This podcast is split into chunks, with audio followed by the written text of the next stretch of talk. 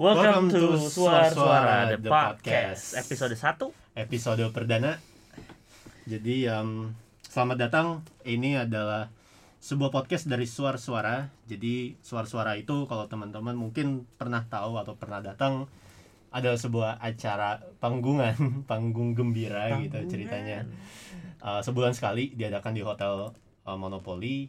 Cuman sejam semenjak negara api menyerang, kita harus alih fungsi menjadi sebuah podcast biar namanya tidak ketutupan. Biar seru. Biar seru biar kelihatan sibuk gitu kan. Biar nggak kelihatan nggak ada kerjaan banget sih Mbak, gitu.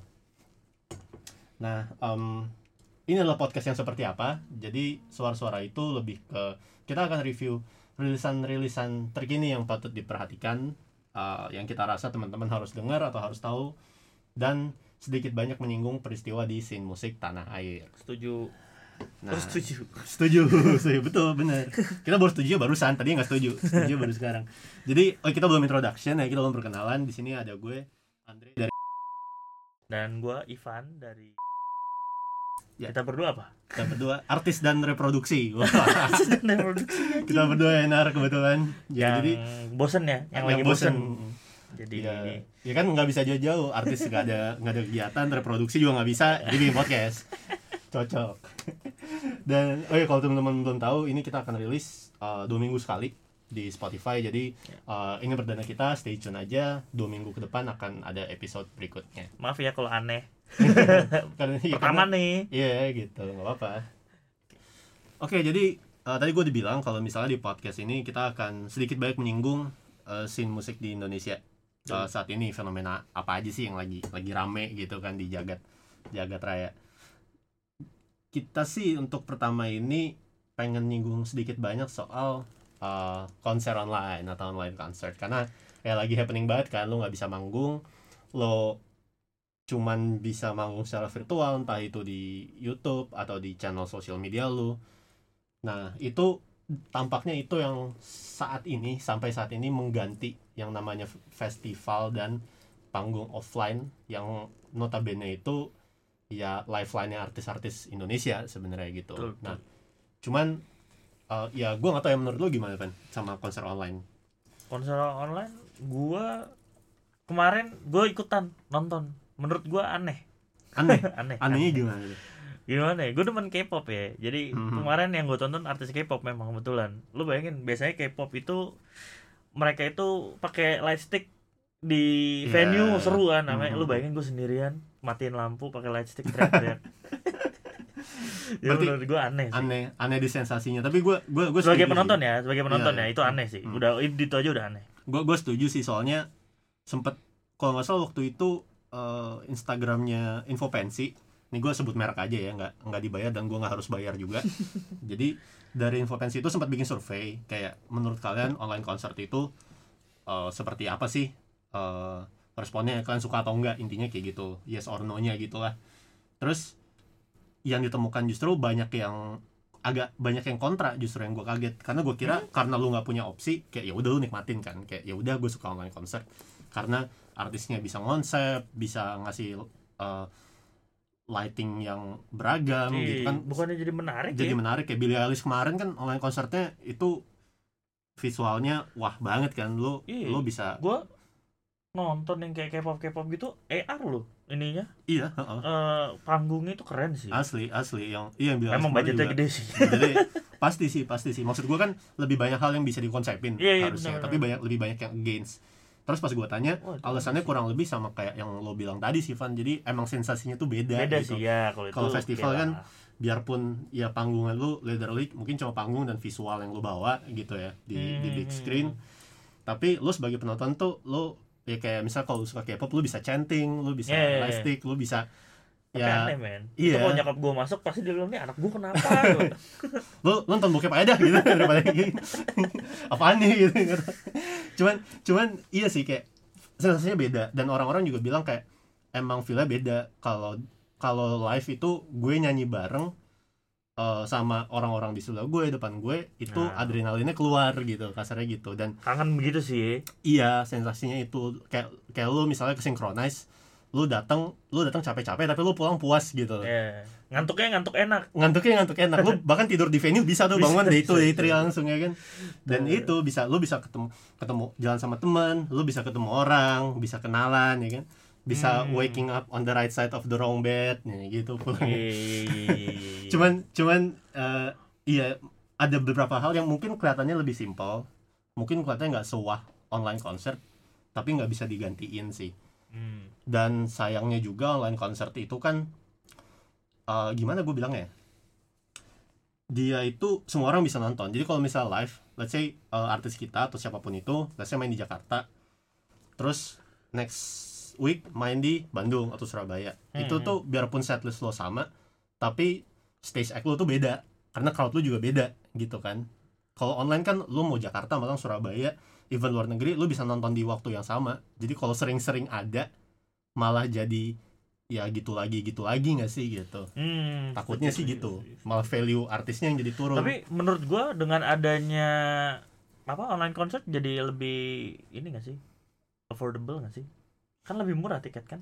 Se- sebetulnya iya Dan dan cakupannya menjadi Hmm. bisa lebih luas loh sebenarnya. sebenarnya iya dan cuma waktu itu gue gue sempat nonton di TV jadi dari gue lupa dari Loket atau GoPlay Mhm. jadi dia mereka juga sempat kontak survei waktu itu buat konser salah satu artis gue lupa Em, survei itu adalah karena mungkin online itu internet internet adalah sesuatu yang biasa kita nikmatin secara gratis gitu kan maksudnya Hmm, selain kuota ya, lu ya, pakai ya, kuota ya.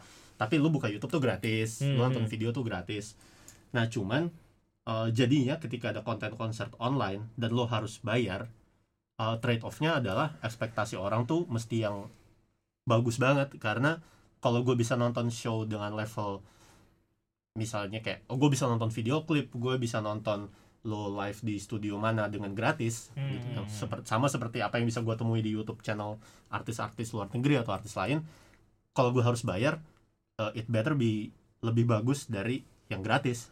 Berarti berarti ya lu mesti selevel yang punya konsep kayak tadi lu bilang misalnya dia pakai dia pakai AR dia pakai uh, lighting yang heboh dia pakai stage act yang unik dia bawain Hmm. lagu-lagu yang belum dibawain jadi Iya. semua added value itu tuh harus di harus dibawa Bawa. kalau enggak orang ngerasa kayak ah ini mah ntar Sama gue nonton di off air ya. off air atau bukan off air sih uploadan YouTube orang. iya upload upload sama Hasif shout out Mas Hasif Has Masif Em, iya jadi kayak mungkin itu ya karena gue mikirnya kalau misalnya emang bayar terus ternyata eh, menurut orang B aja mungkin buat kita nggak B aja gitu ya produksi mungkin repot tapi kalau buat orang B aja kayak kesannya ya kalau gitu gue nonton di di acara kampus atau pensi yang jadi online aja kan lo juga nyanyi di situ. Kasarnya kan gitu jadi tiap kali lo ada online concert terutama yang lo bikin sendiri itu harus wah sih. Kalau enggak orang enggak karena lu trade offnya adalah gue nggak dapat adrenalin ya lu mesti naikin adrenalin gue secara online Iya sih. gitu. Ya, ya, ya, ya, ya. Itu itu emang agak susah dapet sih. Apalagi lu nontonnya sendiri gitu kan di rumah. benar Lu ngapain anjir? Ih, Tapi dan kalau lu nobar Hmm. juga jatuhnya lu kayak melanggar protokol sebenarnya. Kalau rame ya, kalau rame betul, ya. betul eh, balik ke masing-masing sih. Cuman maksud gua em, ada ada nggak ada konser online pun menurut gua one day harus ada itu konser online sih. Karena ha- orang harus dibiasakan dengan itu sih menurut gua ya. Hmm. Karena dengan adanya konser online kayak tadi gue bilang barusan itu tuh jadi lebih apa lu apa sih artis lah artis Mhm. atau atau apa pun itu jadi lebih luas cakupannya sebetulnya kan orang jadi lebih gampang mengakses mereka Betul. kalau live gitu loh nontonnya jadi menurut gua dan orang-orang harus ini juga sih kayak eh, ya kalau mereka dengan ekspektasi yang tinggi gue ngerti sih. Maksudnya gua kemarin ekspektasi gua at least tercapai. Eh, dan memang mungkin karena di Indonesia nggak semur apa nggak se belum belum sehebat di luar kali ya teknologinya Hmm, kali ya hmm, masih agak ketinggalan. Jadi mungkin di situ gue mungkin bisa sedikit paham sih kenapa mereka kurang memilih si online concert Hmm. sih. Apalagi cuma satu artis gitu. Itu mungkin gue agak iya. bisa terima sih. Dan dan masalah lagi ke connectivity internet nggak sih? Ah iya. kayak lu putus-putus sih. putus-putus lu skip satu lagu kan garing juga Hmm, gitu iya. susah dan dan belum kayak bandwidth. Kalau misalnya lu minimal kalau nggak salah ya kemarin Hmm. yang gue nonton minimal itu sekitar 30 mbps. Asli. Speednya minimal segitu stabilnya ya. Mhm. jadi lu bayangin oh ya ya sih jadinya mahal memang karena lu harus dengan dengan internet yang bener. yang, yang mahal. Dan dan video quality kan juga kayak misalnya gue artis gue pasti mau kayak oh gue mau yang 60 fps hmm. itu kan ya buat ngangkatnya kan berat juga itu balik lagi ke penyedianya juga kayak Iya, iya, iya, kayak iya. ini kalau gue upload video 60 fps di misalnya Oh, anjing kayak tadi gue bilang di GoPlay atau di platform-platform lain gitu itu ngangkat atau enggak karena kan ini gue kalau kalaupun nggak ngangkat ya gue juga nggak nggak jelekin tapi karena lebih ke ya itu something new gitu loh yang orang Hmm. juga masih masih ya kayak tadi lu bilang mereka tuh lagi godok-godok kreatifnya dan teknisnya. Kita seberapa sebagai uh, artis dan sebagai penyedia kita tuh bisa seberapa jauh sih dengan online concert gitu. Karena gue setuju itu harus ada karena apa ya itu menyentuh sisi-sisi kreatif yang kalau offline tuh nggak kepegang kayak AR tadi yang lo bilang. Uh, jadi harus ada cuman mungkin yang yang harus dibiasakan adalah culture uh, Ah, penontonnya iya, juga sih iya, untuk, iya, iya, uh, bayar tiket segala macam karena ya itu trade offnya lah. Apa yang lu cuman bisa lo lihat di online concert ini aja gitu misalnya. Tapi kayak ya itu nggak ada tempat lain gitu Jadi, eh, tapi gini gue gue jujur aja yang eh, apa online concert Indo nih belum nyentuh nih. Hmm. harganya tuh sebenarnya lebih murah kan? Lebih atau murah. lebih mahal? Lebih murah sebenarnya. Lebih murah kan? Menurut gue ya eh, dengan begitu kan lu bisa kayak support artisnya lagi nggak sih? Kalau kalau emang sebagai fans juga suka artisnya ya. Mm-mm. menurut gue itu lumayan ngebantu si artis sih kalau kalian emang benar-benar sayang sama artisnya Iya, ya. iya, iya. karena lagi susah hidup. Iya dan dan eh, maksud dari sisi artis juga ya gue mewakili beberapa eh, artis yang gue tahu juga kit- mereka juga mau yang terbaik gitu loh. Maksudnya Hmm, mereka juga nggak pengen kayak galang donasi atau misalnya GoFundMe. buka tiketing GoFundMe Ntar artis gue bikin OnlyFans lagi. iya iya tapi maksudnya mereka nggak pengen ngecharge fansnya kalau mereka sendiri juga nggak pede dengan kontennya sih. dia yang Iya nggak high sih. quality Iya sih. jadi maksudnya daripada kayak kayak lu di living room lu cuman pianoan atau gitaran terus lu buka eh, donasi mungkin itu works mungkin buat beberapa artis eh, mereka nggak gengsi-gengsi amat buat bikin kayak gitu cuman eh, yang dipikirkan adalah lebih ke image-nya nih. Kalau misalnya di masa pandemi ini gua nge-charge sesuatu ke fans gue yang juga sebenarnya lagi menderita Hmm. tapi yang gue bisa provide quality-nya tuh nggak sesuai apa yang gue bayangkan atau atau fans gue bayangkan itu eh clash-nya akan ke artisnya sendiri sebenarnya. Hmm. ya pedang bermata dua lah. Kalau kalau gue terlalu serius eh, yang gue mau nggak mau harus gue charge yang harga tiket dengan cukup mahal. Kalau misalnya nggak ada sponsor ya misalnya tapi kalau misalnya gue bikin yang low quality ya gue harus terima dengan charge yang seikhlasnya atau bahkan nggak ada tiketnya sama sekali gitu jadi tergantung ya pick your poison lah lu mau yang mana gitu kasarnya Tapi iya sih, gue gue pengen tahu sih, menurut kalian nih yang denger nih, range tiket yang masuk akal tuh berapa sih? Gue pengen tahu sih, karena itu kan Betul. patokan kan, maksudnya Hmm.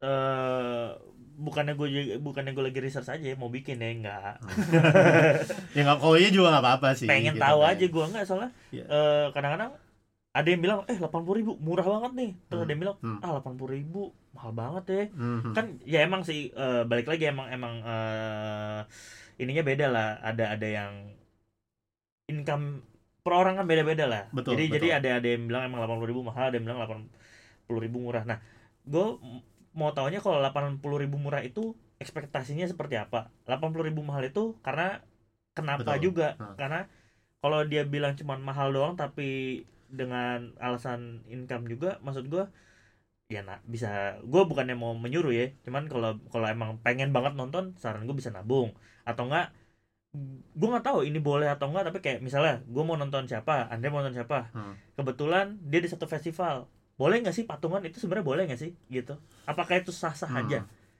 kayak gitu Iya, sebenarnya ya juga eh, sebenarnya sama maksudnya nggak kayak kayak yang beli tiket satu orang terus nonton bersepuluh juga nah bukan iya tuh it's not a crime juga sih kan nggak nggak yang nggak kayak ada TNC-nya kan itu belum belum ada mungkin belum belum ada dan kontrolnya juga gimana gitu. Iya Masa sih. lu ngelarang Iya orang sih. main ke rumah orang lain gitu kan betul mungkin. betul betul makanya gue juga rada bingung karena Heeh. kayak ada orang yang menganjurkan seperti itu kan tapi Hmm. apakah itu cara yang benar apakah itu itu mungkin yang rugi lebih ke penyelenggara sih Iya, betul. tapi di satu sisi Hmm. artis ada yang dia dapat share juga kan dari Betul. tiket jadi gua kadang-kadang kayak konflik gitu lah maksudnya Hmm. kayak ah ini gue patungan apa gue beli sendiri aja ya?" Hmm. kayak gitu sih dan dan menurut gua artis konsernya eh ekono kalau kalau online concert ya bukan main di event online ya tapi Hmm. online concert yang diadakan sendiri itu konsiderasinya menurut gue pribadi adalah lebih ke lebih ke image bukan image ya gimana bilangnya Le- lebih ke presence dia secara online sih karena kan lu nggak mungkin karena pandemi lagi nggak bisa apa-apa lu nggak mungkin nggak ngapa-ngapain lu Hmm. mesti bikin sesuatu biar fans lu tuh nggak lupa sama lu atau orang jadi nggak Yes. nggak discover lu jadi gua rasa beberapa artis di online konser yang mereka punya mereka terima uh, profit sebatem sebatem batemnya lah gitu Ah. nggak mungkin nggak rugi cuman uh, prioritinya tuh mungkin lebih ke gimana gua akan menyuguhkan sesuatu ke fans gue dan ke orang lain supaya ya selama pandemi ini gue tetap ke discover gitu sama mereka. Hmm. gue tetap tetap aktif gitu gue tetap ngeluarin sesuatu yang baru presence gue nggak hilang gue nggak tenggelam. Gitu. Tapi berarti sebenarnya lebih ke understanding antara si artis dan fansnya sih ya berarti. Betul. Kayak artis mendengarkan fans tapi di satu sisi fans juga harus mengerti si artis. Hmm. ya intinya sih eh, kita juga harus apa ya harus pelan-pelan mulai mengerti kalau ya di dunia ini nggak ada yang eh, di dunia ini nggak ada yang nggak ada yang gratis gitu. Hmm. tapi bukan gratis itu bukan berarti kita mau take advantage artis eh, fans kita gitu. Kayak kayak lo tuh cash cow gue gue harus ngambil duit dari lo nggak. Cuman ya kalau misalnya gratis mulu nanti nextnya misalnya ada event yang jauh lebih gede expectnya. ekspektasinya rendah gitu. Padahal kalau even kalau luar negeri tiket price tuh nggak nggak murah gitu loh. Festival tuh nggak murah sebenarnya. Oh ya festival mahal sih. Festival pasti mahal. Dan kalau di sini kan festival mungkin eh, yang lokal gitu kan mungkin kayak ratusan ribu. Kadang orang masih mikir. Kadang Hmm. orang rela kayak oh line up-nya seru. seratus ribu seratus ribu keluarin.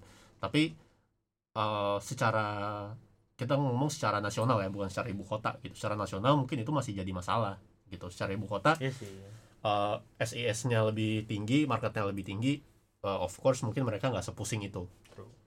Gitu. Jadi ya baik lagi yang gue bilang sih pick your poison aja. Ap- uh, apa yang harus dipilih uh, antara itu mentingin, ap- entahkah itu mentingin quality atau uh, just a mere activity gitu buat fans lo, so- harus selalu ada harga yang harus dibayar, gitu. setuju I guess that's it ya untuk yang si soal kita bahas si online concert nih. Kalau misalnya yang dengerin nih, kalian nih yang dengerin nih, kita nggak ada nama ini, nggak ada nama listeners, jadi komen aja di di mana, di mana deh komennya. komen di 085 nomor HP itu. Ya ya take note for yourself aja sih. Maksudnya Iya. ini kan biar refleksi juga gitu baik dari artis penyelenggara sama fans. Gitu. Ini yang kita tahu yang mudah-mudahan bisa jadi bahan pertimbangan gitu. Oke, kita lanjut move on ya ke segmen selanjutnya. Ya. Oke, jadi kita akan masuk ke segmen berikutnya di mana kita akan bahas rilisan-rilisan yang patut diperhatikan, rilisan yang baru. Lebih tepatnya di sini kita udah denger rilisannya dulu dan masing-masing akan up with satu uh, rilisan yang akan dibahas. Jadi dari gue ada satu rilisan untuk di review. Dari Ivan ada satu rilisan juga. Dan dimulai dari gue dulu kali ya. Um, di sini gue akan bahas satu album yang gue tunggu-tunggu dari tahun lalu tidak lain dan tidak bukan adalah semenjak internet dari Petra Siombing jadi kenapa gue bilang dari tahun lalu? Karena single yang nge-appreciate album ini di di album semenjak internet ini itu tuh udah ada dari tahun lalu. Jadi memang konsepnya Petra adalah Petra merilis satu single setiap tanggal 23 tiap bulannya sampai di 23 Oktober kemarin albumnya drop. Jadi strategi yang unik dan cukup berani ya menurut gue. Karena karena nggak nggak Hmm. biasanya lu ngerilis semua single lo dan ketika album rilis kayak tinggal sisa satu lagu gitu loh. Biasanya kan kayak Terdengar seperti kompilasi. iya resikonya seperti itu. Resikonya seperti itu karena ya lu denger semua lagunya gitu. Dan buat gue pribadi gue emang lebih suka album yang masih ada misterinya lah yang kayak gue bener-bener baru tahu album itu tentang apa kalau gue udah denger tracknya dari awal sampai akhir. Nggak Hmm. nggak putus gitu loh kayak lo baca novel aja gitu. Jadi kayak kan lo nggak mungkin ngerilis itu dalam cerita pendek dulu baru jadi satu novel gitu kan kasarnya. Kalau kalau gue pribadi sih lebih suka yang kayak gitu. Uh, karena kayak tadi yang lo bilang ada risiko orang menganggap itu sebagai ya album kompilasi uh, folder with a bunch of songs inside aja gitu. Cuman uniknya ini tidak terjadi di semenjak internet menurut gue. Karena um, ya lagu-lagu dalam album ini tuh punya benang merah yang cukup kuat sih yang menurut gue sesuai dengan judulnya ya fenomena fenomena fenomena yang terjadi semenjak uh, internet tuh nge-take over kehidupan kita gitu. Jadi uh, ada cerita kita milik semua yang uh, bercerita tentang oversharing gitu di sosial media. Ada canggih uh, track awal di album ini yang jadi pembuka dan pengingat juga sesuai dengan liriknya. Kalau gue boleh quote ya hidup emang harus canggih tapi pastiin lo yang pegang kendali. Jadi kayak internet um, apa ya sosial media itu tuh tools lo supaya lo keep up dengan dunia dan mungkin membantu kerjaan lo juga gitu kalau lo copywriter atau atau orang marketing promotion dan lain-lain. Tapi jangan sampai itu tuh jangan sampai malah lo yang dikendaliin sama internet tapi lo yang mengendalikan internet gitu. Jadi itu sangat sangat apa ya sangat dalam menurut gue message-message-nya. Tapi yang unik di album ini adalah dari sisi produksinya dulu mungkin ya kalau gue boleh bahas di departemen liriknya c departemen. Department Store. Departemen store. Jadi uh, di departemen liriknya itu tuh apa ya biarpun message-nya itu dalam tapi liriknya cukup simple sih yang gue kaget. Nggak nggak terlalu nge-overuse vocabulary bahasa Hmm. Indonesia yang sebegitu luasnya gitu ya. Nggak pakai bahasa-bahasa yang terlalu puitis atau mungkin orang yang nggak tahu terus dengerin kayak "Oh, lagu indie. indie." iya indie. Indie hoy Indie. indie banget nih gitu kan kayak enggak cukup simple tapi ngena gitu loh. Dan dan dan cocok sama ya phrasing lagunya gitu. Jadi orang tuh kayak nggak perlu denger yang dua kali tiga kali kalau oh ini tuh chorusnya maksudnya ini nggak nggak yang kayak gitu gitu. Langsung langsung ngena gitu langsung paham. Langsung paham. Nggak nggak pakai revisi nggak pakai apa pokoknya langsung paham. Iya nasib PNR inti intinya sih gitu. Dan dan untuk untuk musiknya sendiri juga cukup apa ya gue berasa sih referensi Petra ini sangat sangat sangat beragam sangat sangat banyak. Dan kalau gue track back dari album Petra sebelumnya yang berjudul satu perempat itu cukup apa ya cukup eh cukup hasil manif- manifestasi dari album sebelumnya sih. Kayak gue ngerasa album sebelumnya Petra tuh lebih ke eksperimennya dia dalam bermusik di mana beberapa instrumen beberapa eh, layer beberapa style yang dia kembangkan di situ tuh ada di semenjak internet dan dan menurut gue beberapa artis yang memang sukses apa ya gue nggak bisa bilang crossover sih tapi kayak masukin warna-warna baru Hmm. dalam musiknya dia tuh pasti ada at least ada album kayak gini di diskografinya dia kayak Tyler the Creator yang ada Igor tapi dia punya Cherry Bomb Oh. yang dia ngide Bon Iver yang punya album terbarunya sekarang dia punya dia punya 22 million yang nyebrang banget dari album dia yang folk banget gitu. Dia masukin Monster Electronic terus album terbarunya dia itu adalah album eksperimentalnya dia plus uh, identity awalnya dia. Dan Petra tuh menurut gua setelah dia berhasil nyoba-nyoba dengan banyak elemen di album sebelumnya dia up with semenjak internet dan itu jadi keren banget sih. Menurut gue di cerita kita milik semua itu gue pribadi berasa kayak ada reference uh, The Search for Everything John Hmm. Mayer. Itu lagu yang cukup raw cukup minimalis. Tapi uh, vibe-nya ngena di kita gitu. Kita nggak nggak berasa kayak lagu yang terlalu folk atau akustikan doang gitu.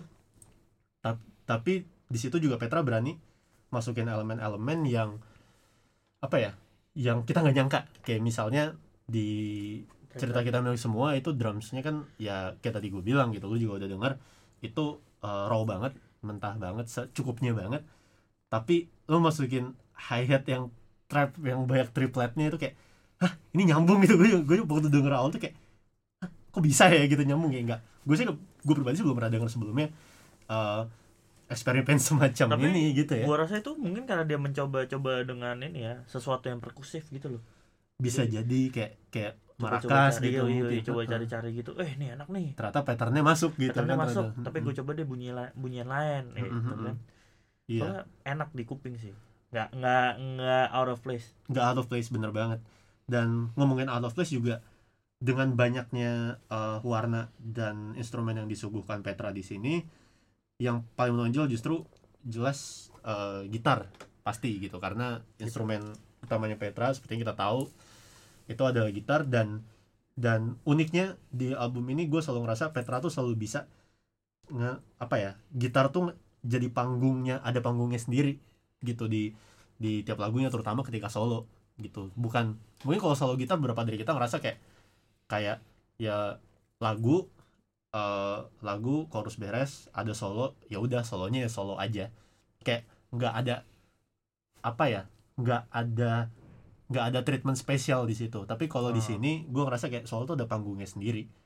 Bener-bener apa ya kayak kalau gue gobloknya itu ya nggak secara teknis sih. Cuman gue ngerasa ibaratnya kayak kayak Petra nyanyi live gitu kan. Setelah setelah beberapa part part solonya masuk itu kayak ganti orang aja. Kayak tiba-tiba misalnya dia ambil gitar aja gitu di backstage terus dia solo dapat spotlight. Kayak gitu. Hmm, Dan bener-bener iya. Bener-bener ngegantiin si vokalnya bener-bener take over kayak itu ganti deh nih gitarnya deh gitu. Nih gue dulu terlalu lagi gitu. Gue ngerasa kayak gitu dan itu keren Waktu- banget sih. Waktunya tepat ya masuknya. Waktunya tepat dan tone-nya juga Tone-nya. Masya allah. Itu langsung tobat ya? Langsung tobat. Langsung nyebut aja. Langsung nyebut. Gila itu kacau sih. Kacau banget sih sangat sangat sangat sangat apa ya distinct sih menurut gua. Jadi nggak kayak oh ya solo gitar. Nggak nggak nggak banget kayak kayak gitar nyanyi tuh kayak gitu ya, ya, gitar nyanyi gitu tuh. Setuju setuju. Gitu. Bagi-bagi tipsnya dong. Iya. Bang Petra kalau denger mungkin bisa bagi-bagi tips atau ya konten-konten seputar pergitaran untuk dikulik-kulik sama kita tapi ya itu bukan priority sih. Tapi itu sangat menarik kalau kita bisa tahu karena buat kita tuh keren banget. Iya. S- itu aja dari gue. Kongres sekali lagi untuk Petra Siombing. Albumnya keren banget frontrunner favorit album gue di 2020 Eh, terus berkarya lagi dan ya perbanyak kreativitas-kreativitas yang bisa dituang di karya-karya selanjutnya. Oke, eh, dari gue cukup itu. Mungkin kita next akan ke rilisan yang dipilih oleh Ivan. oke bentar oke langsung aja nih segmen 2 sama gua Ivan gue mau bahas si Madukina tau nggak lo deh Madu Wah, gue madu cilembu. Enggak, enggak bercanda. Gue tahu, gue tahu. Em, sempat sebenarnya di circle kita cukup sering Cukup diomongin, diomongin ya. ya. Gua sebetulnya pernah kerja sama sama dia satu. Lagunya Mhm. belum keluar. Oke. Buat sesuatu deh. Itu ntar. Da, ini ini jadi alasan gua kenapa gua mau ngomongin dia karena dia dia versatile banget. I see, I see, I see. Karena yang gua kerjakan dengan dia Mhm. sangat berbeda dengan lagu-lagu yang dikeluarkan. Tapi see. akan bahas rilisan terbarunya dia apa? Eh, Lullaby. Lulu- Lullaby. Lullaby. Lullaby. Eh, lagunya itu pas gue denger produksinya ini kalau nggak sama tamanya ini ya tamanya Koldiak Koldiak, juga kalau eh apa Hmm. dia kompos doang atau barengan gitu pokoknya Mhm. gue kemarin sempet cek eh gue pas denger lagunya kayak uh ada hawa-hawa trap ya depannya kan Mhm. tapi ada Betul. gitarnya tuh Iya. balik lagi ini ada ada ada, Ada- gitaran lagi nih Ada kita gitaran nih lagi nih. gue pas denger itu Hmm. kayak uh ini eh hot nih hot panas nih Panas. Nih, panas. lagunya panas nih. Cuman cuman di di intro linknya agak agak agak mirip Get You-nya Daniel Caesar nggak sih? Kayak tada tada langsung kayak wait. Atau mungkin itu hooknya. Iya iya. Ya, gue paham sih maksudnya cuman kayak memberikan sense of apa ya familiarity sesuatu lah yang ya. familiarity gitu Iya, kan. iya, jadi iya. orang eh, terhook ya, sama itu. mm, ya gue gak bilang jelek juga sih Iya. cuman kayak mengingatkan gue ke situ Eh, which is good. Kan good. jadi jadi orang jadi oh Mhm. ini emang lagu enak gitu Iya, tapi iya. tapi ya secara apa nih gua- eh, produksi kali ya gue mau bahas Boleh, boleh. secara produksinya gue gue mengacungkan jempol untuk dua-duanya ya berhasil banget karena betul madu itu punya suara yang agak ini ya eh, unik menurut gue unik gue nggak tahu menurut Iya, lu iya. unik atau enggak gue tapi gue setuju gue setuju menurut gue ini cukup suaranya dia cukup unik dan cukup versatile sih untuk beberapa style of music Eh, di lagu ini gue gue jujur aja belum terlalu dig deeper ya untuk meaning dari lagunya sendiri tapi Hmm. tadi gue sempat ceki ceki Hmm. di sempat lihat lah di Instagramnya dia Hmm. kemarin dia promo juga Hmm. Eh, di situ mungkin dia bahas kayak apa mimpi ya mimpi Iya, atau- sesuai iya, judulnya lah sesuai ya, judul sih ya jadi menurut gue suaranya dia itu berhasil mengantarkan at least dari gue meaning Hmm. lagunya sih iya meaning lagunya udah udah tersampaikan lewat suaranya dia dulu Mhm. di luar dari gue memahami liriknya karena gue juga gue tadi coba cari liriknya di Spotify belum ada oke oke. mungkin gue nanti harus coba cari juga di Hmm, hmm, hmm. platform satunya lagi platform satu di situ gue sangat tertarik dengan bagaimana mereka berhasil me, ininya ya eh, mengeblend suaranya dia ya supaya masuk dengan musik yang agak gue campur juga gue suka layeringnya sih kayak Hmm, kayak hmm. jadi berasa penuh aja gitu ya, karena- ya, ya. mungkin kalau pendapat gue eh, PR-nya beberapa artis eh, pop atau R&B di Indo itu mereka puas dengan kayak satu atau dua layer doang Iya, gitu. iya, iya, Jadi iya. kayak Ada tuh mungkin- nih iya belum belum padahal padahal ketika lo denger track yang jadi referensi lo dengan instrumen seminimal apa pun kalau vokal lo itu penuh itu ngebantu. itu ngebantu. ngebantu banget ngebantu moodnya juga gitu. Jadi ya gue gue suka banget sih sebenarnya Hmm. vokalnya di situ. Makanya menurut gue jadi main weaponnya dia tuh sebenarnya vokalnya sih. Hmm. harus bener-bener betul. eh, Ditonjolkan banget ya. ditonjolkan banget. Mungkin Hmm. di gue dengan dengan adanya single yang ini gue ekspektasi gue jadi le- lebih tinggi untuk lagu-lagu selanjutnya karya-karya berikutnya. Karena betul betul. eh, Madu kalau dengerin ini semangat ya iya terus digali Terus digali. Setuju. apa namanya ininya eh, eh, eh, kemampuan vokalnya karena itu key-nya dia sih betul jadi menurut gua dia harus bisa men-showcase Ah, si dan, vokalnya dan itu. cukup apa ya em, kita tuh sekarang bukan di era female vokal eh female soloist nggak sih ya Iya kan? ini itu gua male soloist banyak Male. ya. dan female mungkin eh di antara banyak female yang gue tahu pribadi Madukina kan suara cukup distinct ya Iya. kalau misalnya kita secara promosi misalnya kita udah cukup familiar dengan suaranya Madu eh, nanti ke depannya di masa depan nggak usah nggak usah nggak usah melek gitu lo tahu oh ini Madu gitu iya benar nah Hmm. itu tuh gue kayak bisa bisa banget oh gitu. ini Madoi nih iya gitu Iya, cuman ada satu yang gue cukup ini ya. eh, mungkin gue tahu dia akan keluar lalu karena dia gue follow kita kita saling follow. Ah. Lu juga juga pasti kan follow dia lah. Masa Hmm. anak-anak juga Iya. yang di circle kita kenapa tahu dia mau ngeluarin karena follow dia. Iya, hmm. Cuma gue masih belum melihat apa ini aja sih. eh, bukan ngajarin ya, cuman pengen aja gitu dia lebih intens lah ya Intens gitu loh, Ah, karena ah. menurut gue sayang kalau cuma kita kita aja yang tahu. Hmm. ya iya atau tapi mungkin setiap orang punya ini ya cara sendiri untuk iya dia didengar dengan orang lain sih. mungkin mungkin lebih ke efek placebo-nya sih menurut Hmm, gue jadi eh, jangan ngerasa kalau misalnya kayak kita dapat mention dari teman-teman circle kita gitu kan Hmm. orang-orang yang kita kenal itu equals to sejagat raya tahu ya gitu. ya ya jadi kadang-kadang kita puas kayak oh ini si ini dengerin si itu dengerin temen gue dengerin bapak gue dengerin cukup iya iya ada Padahal kan ada ada target lu kan siapa pun eh, secara potensial yang ada di internet which is semua orang yang Iya. ada di jagat raya itu itu potensial audience lu gitu. Jadi uh, placebo-nya mungkin lu ngerasa kayak oh teman-teman gue nge-mention gue uh, I've done enough gitu. Padahal ya kadang-kadang ada yang eh iya sih jangan cukup puas sih. Uh, dengan potensi sebegitu besar jangan cukup puas sih. Betul. terutama hmm, dengan ininya sih eh, apa keinginan untuk orang yang lebih luas tahu dia siapa itu Betul. harus punya lebih sih. Maksudnya kayak gue pengen orang lebih tahu gue Hmm, hmm, apa hmm, hmm. lebih lebih lapar lah iya kan kalau ya lu lagu kan ber, berpesan ya maksudnya lu ngasih message ke orang kalau orangnya nggak ada ya lu mau ngasih message Nah, ke iya, siapa iya, gitu iya. kan kasarnya gitu ya ya ya.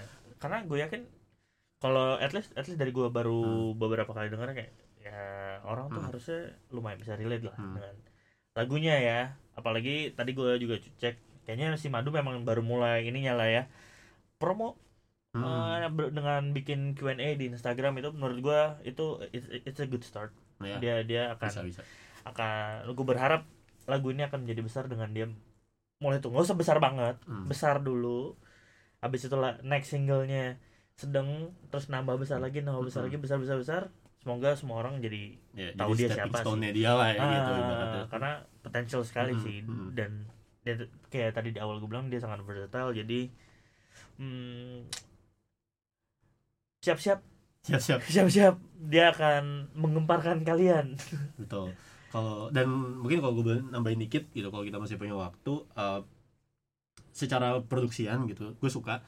Eh, tapi di di di gue mungkin gue butuh kayak denger tiga sampai empat kali baru nyantol gitu. Jadi ah, hooknya gue hooknya sebenarnya mungkin eh, tadi kita sempat ngobrolin ya jadi salah satu asumsi yang sangat populer gitu di, di Eh. dunia. Bukan di dunia sih maksudnya di di skena eh, R&B atau atau urban pop gitu ya. Kayak sekarang kan ya lo tau lah maksudnya eh, R&B dan hip hop sekarang itu beatnya seperti apa yang populer. Dan banyak artis yang mungkin dari eh, R&B atau soul yang lebih tradisional mencoba keep up eh, jadinya malah nggak ngeblend in gitu. Di sini sih madu sih blend in. Tapi gue ngerasa kalau misalnya kayak chorusnya itu di gue hooknya kurang nyangkut sih. Padahal kalau di R&B R&B yang gue tahu dan mungkin lo tahu Hmm. eh, chorus tuh sebenarnya cukup cukup hook yang simple aja yang kayak orang bisa sing along dan nggak nggak nggak dan gampang diingat dan nggak gampang lupa sih kasarnya gitu. Dan pre-chorusnya juga penting sih menurut gue karena eh, itu yang itu kan yang nganterin chorus ke eh sorry ke verse ke chorus kan. Jadi kayak kayak lebih apa ya lebih jadi jembatan yang harusnya tuh bisa ngegigit orang Iya, kayak iya, iya, iya. kayak ngajak lah ngajak. gitu. Dan dan kalau perhatiin juga lagu-lagu uh, R&B yang yang oke yang kayak di lo di lo catchy banget atau keinget banget itu tuh buat gue kuncinya justru di pre-chorusnya bukan di hooknya. Hmm. gitu. Hook tuh kayak gitu doang gitu. Kalau lo bedah gitu R&B R&B yang modern tuh hooknya gitu doang. Chorusnya gitu doang gitu. Kayak dua bar cukup diulang-ulang. Tapi pre-chorusnya yang kayak ngajak kayak yang yang bikin lo yang bikin lo joget yang bikin lo ngangguk-ngangguk tuh itu sebetulnya gitu. Mungkin ya gue bisa kasih banyak contoh cuman eh, itu satu hal yang bisa diimprove juga sih sebetulnya. Ya itu sih paling kalau dari gue memang tadi si madu ini ya. Cuman Hmm. eh, buat orang-orang go check out her music. It's really good. Jadi menurut gue sekian sih.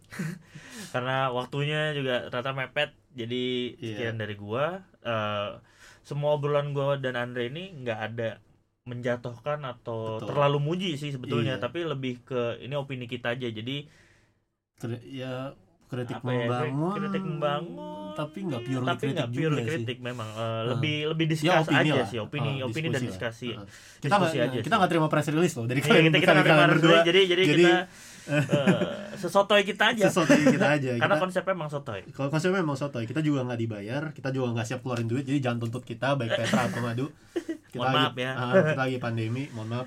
Em, iya sih kayak, kayak gue pernah di Twitter tuh kayak kayak oh musisi Indo tuh karena circle-nya makin rapet jadi orang tuh ngasih review musik tuh kayak bukan nggak berani sih kayak jadi hati-hati. bagus-bagus aja Eh, gitu kayak padahal padahal padahal kita Harus- pengen cari musuh gitu yang bagus malah jadi jadi itu musuhan Andre bukan gue itu iya iya iya iya tapi Ya. iya iya Eh, Ya, jujur aja sih. jujur Maksud kita aja juga- jujur aja kita kan eh, kita kalau emang Hmm. menurut kita atau gini kayak kita ada mirip sesuatu kita akan bilang mirip sesuatu atau Betul. ada ada Hmm. kayak eh, ini kurang apa kita akan bilang Hmm. kurang apa nggak- jadi kita nggak akan yang kayak eh ini bagus nih udah udah. Oke oke Ah, bagus. iya, iya, kayak kita nggak akan gitu. ya opini nggak ada nggak ada bener salah nggak sih? Ah, gitu. Kalau kalian dengerin syukur.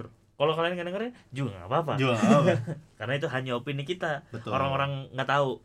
Iya orang-orang atau orang so tahu. Oh, pengen cari musuh aja Malah gitu. aja, ya. biar nggak temenan semua Cari gitu. Ada yang musuh. ada yang nyebrang dikit gitu kan ada oposisi lah pak kayak Ah, iya iya Ya, biar seru lah, politik biar aja seru, politik ya seru, biar politik seru. sekarang kan masa semuanya koalisi ya kan ada Aduh. oposisi lah dikit aduh pusing Eh, paling Iya. segitu dulu dari gua sama Andre ya untuk Mhm. minggu apa bilangnya apa nih minggu ini minggu ini kita akan kembali episode ini deh episode ini episode sih. ini ya Episode untuk episode ini ini. sekian dulu dari gua sama Andre sampai bertemu lagi di kapan deh kita akan bertemu oh kita hampir lupa nih kita mau eh, mungkin di tiap di dua minggu atau di tiap episode itu kita nggak bisa ngebahas semua lagu yang keluar di minggu ini atau minggu lalu atau sebelum sebelumnya. Tapi eh, di luar tadi dua rilisan Petra dan Madu kayak kita mungkin ada rekomendasi pribadi kali ya sebelum Ah, kita tutup. Oh iya benar benar benar Ah, ah. jangan sampai lupa tuh. Iya jadi eh, ya selain dua artis ini eh, ya gue dan Ivan banyak dengerin rilisan-rilisan lain yang menurut kita kayaknya seru banget dan buat cuma di dalam negeri Kita cuma dalam negeri betul jadi luar planet juga luar planet kita dengerin juga Iya, Mongolian throat singing gitu. Waduh.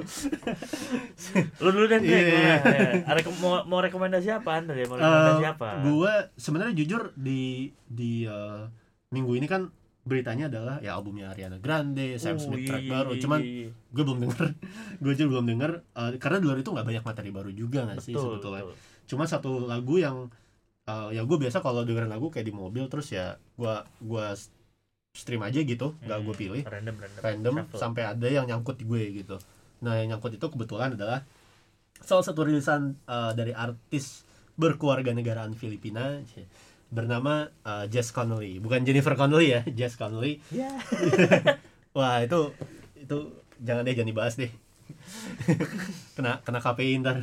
Kafe itu itu em, apa ya buat gue sangat unik. Jadi Jess Conley ini sebenarnya eh, bukan artis baru.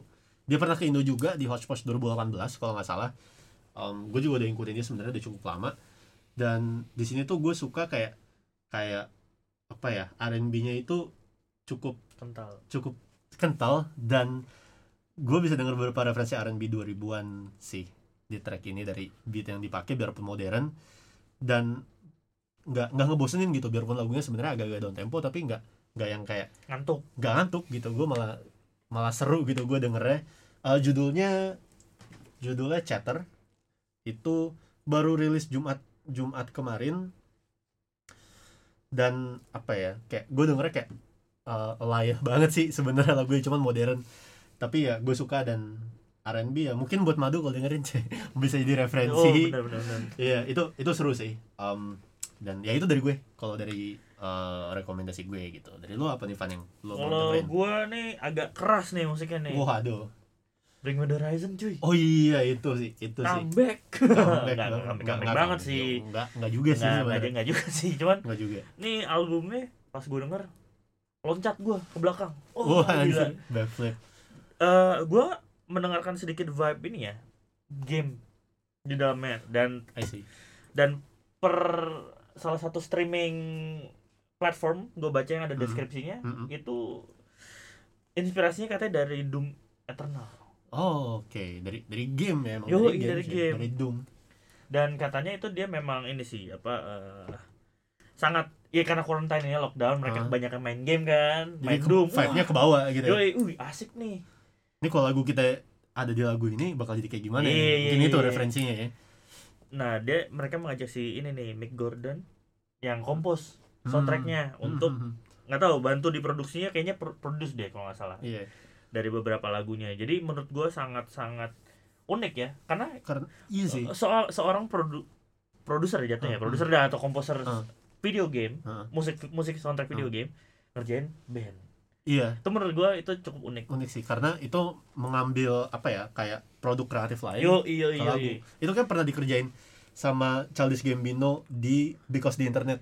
Ah Produksinya itu Ludwig Göransson yang waktu itu oh iya, productionnya iya, iya, iya, produser eh, soundtracknya Community ya kalau nggak salah. Pokoknya mereka tuh kerja bareng kan. eh, Donald Glover pernah main di Community. iya, iya, iya, Terus kenal di situ Kenal ya. di situ, terus dibawa ke Because the Internet karena Because the Internet itu dia referensinya juga emang film. Dia kan emang scriptwriter, seorang scriptwriter kan Ah, sebenarnya Donald Glover. gua Dan dia naiknya di situ Göransson ngeproduksi itu eh, albumnya pecah. Terus dia jadi akhirnya dia jadi Hmm. eh, ngerjain Black Panther si Ludwig dia ini ya berarti ini. iya berarti dia oh iya community deh iya eh gue gue gue kepikiran ini film lain Iya, acara lain acara lain. acara lain tapi Iya. eh, ya untuk di di BMTH nih gue suka tracknya tuh eh track nomor 5 itu semacam intro Itch for the Cure Mhm. Eh, itu lanjut ke Kingslayer featuring baby metal cuy Mantap, baby metal. metal Jadi jadi baby metal ya. gen- genrenya jadi ka- kawaii core Jadi kawaii core anjir.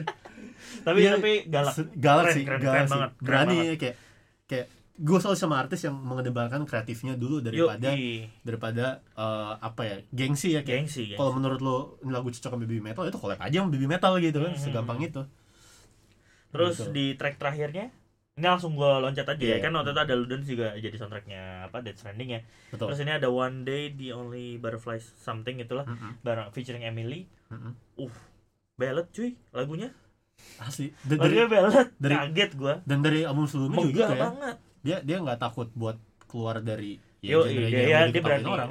Pemberani lah mereka. Berani Menurut gua mereka pemberani. jiwa tangguh wah Jiwa slogan tangguh. slogan rokok mana tuh Tapi paling kalau dari gua itu sih si BMTH nih udah mantap kuncian gua. kuncian banget ya keren keren pokoknya eh, mungkin bisa jadi inspirasi juga ya buat artis-artis dalam negeri Em, jangan takut untuk eksperimen. eksperimen mengedepankan kreatifnya dulu Thinking out of the box. ya. Ya pokoknya kreatif itu segala segalanya sih even bisa jadi di atas image lo sebelumnya gitu kan kayak misalnya ya BMTH kalau image-nya ternyata nggak bellet bukan berarti lu nggak boleh bikin lagu bellet kan kasarnya gitu Hmm. keren sih keren banget paling itu aja ya dari kita untuk Mm-mm. episode ini Episode diulang ini- lagi nih closingnya Iya. tapi ya udahlah nggak apa-apa lah baru belajar Baru belajar. Perdana, perdana, perdana, maklum. perdana. masih malu-malu kita iya masih sebenarnya banyak banyak humor-humor yang lebih kontroversial cuman tapi takut ah. Ntar, ntar digerebek cari iya cari cari musuhnya ntar aja di episode tiga empat lima gitu ntar jangan aja di kalau kalau udah menghasilkan duit. Iya. ya udah. Eh, sekian dulu ya dari kita sampai sampai ketemu sampai nggak jumpa ketemu sih kalau Nggak ketemu, ketemu ya? dicek lu sama polisi. Iya. kumpul-kumpul. Kumpul kebo. Eh, apa? Iya. sampai denger lagi deh di sampai denger episode lagi. selanjutnya. dua minggu lagi ya. Dua minggu lagi, dua minggu lagi di episode kedua. Dengan bahasan yang sama nggak penting ya sama nggak Penting, pentingnya penting, sama penting. so lumayan penting lah lumayan. Tapi Iya. sama tetap sama so taunya so taunya sama soalnya penting ya? Ya udah. Apa nih? Oke. langsung bye aja ya. Langsung Ya bye. Sampai jumpa. Sampai jumpa